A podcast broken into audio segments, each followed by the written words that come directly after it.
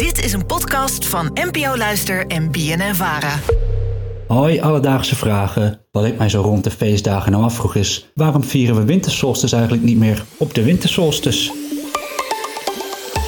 Alledaagse vragen. NPO Luister. Marnik, dankjewel voor je vraag. En als je nou afvraagt, wintersolstice, wat is dat eigenlijk? Dat is de kortste dag van het jaar en dat is vandaag 21 december. En David, hoe voel jij je tijdens deze korte dagen? Nou, op deze korte dag hebben wij hier uh, gewoon een uh, winterfeest. Dus dan uh, voel ik me waarschijnlijk heel gezellig. Ja, voor de rest proberen we het maar binnen gezellig te maken. Beetje kaarsjes aan, wijntje erbij. Vroeger werd de kortste dag van het jaar gevierd met een groot midwinterfeest. Eigenlijk wat wij ook doen hier bij BNNVARA. Maar wat voor feest is dat eigenlijk precies? Dat vroeg ik aan Herman Klerings. Hij is wetenschapsjournalist en schrijver van boeken over Keltische geschiedenis. Winterfeest is het vieren van de kortste dag van het jaar, 21 december, waarna men weet dat de dagen weer gaan lengen. Dat is dus midwinter, de kortste dag van het jaar. En iedereen was blij dat de dagen korter werden en dat de zon, de zon het principe van leven, hè, dat de zon weer aan kracht ging herwinnen. Ik kende zelf het eh, midwinterfeest eigenlijk helemaal niet, maar volgens Herman werd het vroeger over de hele wereld gevierd.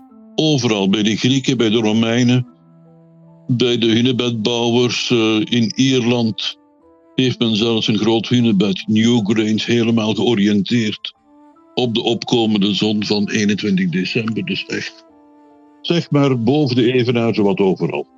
Er zal wel ergens een volk zijn dat het niet gevierd heeft. Maar ga er maar vanuit. Dat is ook logisch, hè? We hebben allemaal last van die korter wordende dagen. Dus we zijn allemaal blij dat die opnieuw langer worden. Nou, zeker als je echt in Noord-Europa woont, dus echt richting de Poolcirkel, dan ben je denk ik maar wat blij dat die zon weer terugkomt. Ja, in Scandinavië zijn de dagen uh, erg kort en de nachten heel erg lang. Maar ook de Grieken, de Romeinen tot aan de Germanen, iedereen heeft het feest gevierd, omdat we blij zijn dat het licht er weer aankomt. En ja, we hebben nu natuurlijk allemaal handige kalenders, klokken, technologieën om precies bij te houden wat die kortste dag van het jaar precies is. Maar hoe deden ze dat eigenlijk voor het jaar nul? Ja, nu dat is vrij eenvoudig om te berekenen. Hè? Je, zet, gewoon een stuk hout in uh, een stok in de grond.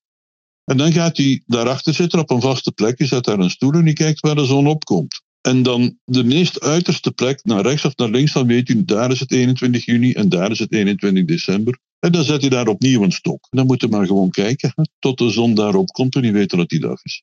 Het is dus bijzonder dat dit wereldwijd werd gevierd, terwijl we nu eigenlijk nauwelijks enig idee hebben wat het midwinterfeest is.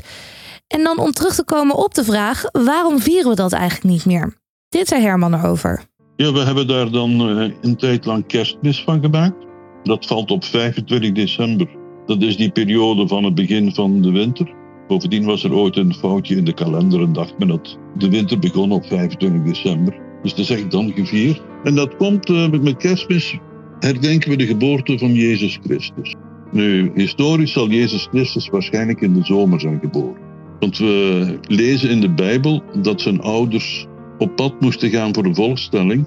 En als dat waar was, dan zal dat in de zomer gebeurd zijn. Want in de winter was het vaak veel te slecht weer en veel te koud om mensen zo ver weg te laten gaan. Dus uit historisch onderzoek vanuit de Bijbel blijkt dus dat de geboorte van Jezus dus niet in de winter was, maar in de zomer. Maar hoe kan het dan dat we toch kerst vieren rond 25 december? En dan begin 4e eeuw wordt het christendom de, staats, de aanvaarde godsdienst van het Romeinse Rijk. En dan wil men ook de geboorte van Christus gaan vieren. En wanneer zouden we dat doen? Een beetje discussie. En dan op een bepaald moment zegt men, ja maar we vieren toch eigenlijk al het begin van het nieuwe licht. En Christus is toch ook het nieuwe licht van de wereld. Vergeet niet dat Christus hier af en toe wordt afgebeeld met zonnestralen. En dat hij ook soms afgebeeld wordt met een aureool rond zijn hoofd, de zon. Christus is het nieuwe licht. Laten we die dan plaatsen op de plek waar mensen toch al het nieuwe licht gingen vieren, dus ergens rond 21 december. En vandaar dat we kerstmis hebben op 25 december, wat we nog altijd doen. Ja, ik snap die gedachtegang wel. Ik had het er wel met Herman over dat in deze tijd de rol van religie rondom kerst steeds meer aan het verdwijnen is. Dus je ziet het ook, in plaats van kerstmarkten zijn er nu wintermarkten en worden er overal veel meer dan vroeger lichtjes opgehangen om die korte dagen tegen te gaan. En langzamerhand gaan we dus terug naar het feest van het licht. Gaan we weer uh, winterse listen vieren. Alledaagse vragen. Maar dan ben ik toch benieuwd, voordat er werd besloten dat we kerst gingen vieren, hoe dat midwinterfeest werd gevierd. En zelfs bij de mensen die Stonehenge hebben opgebouwd, draaide dat vooral om eten en drinken. Ja, en we weten ook van dat de mensen die Stonehenge gebouwd hebben, of de mensen Stonehenge zoals wij dat kennen, zeg maar 2500 voor Christus, die hebben een gigantische barbecue gehouden voor enkele duizenden mensen.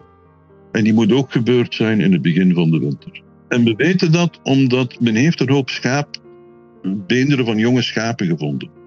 En die waren ongeveer in de afvalkuilen.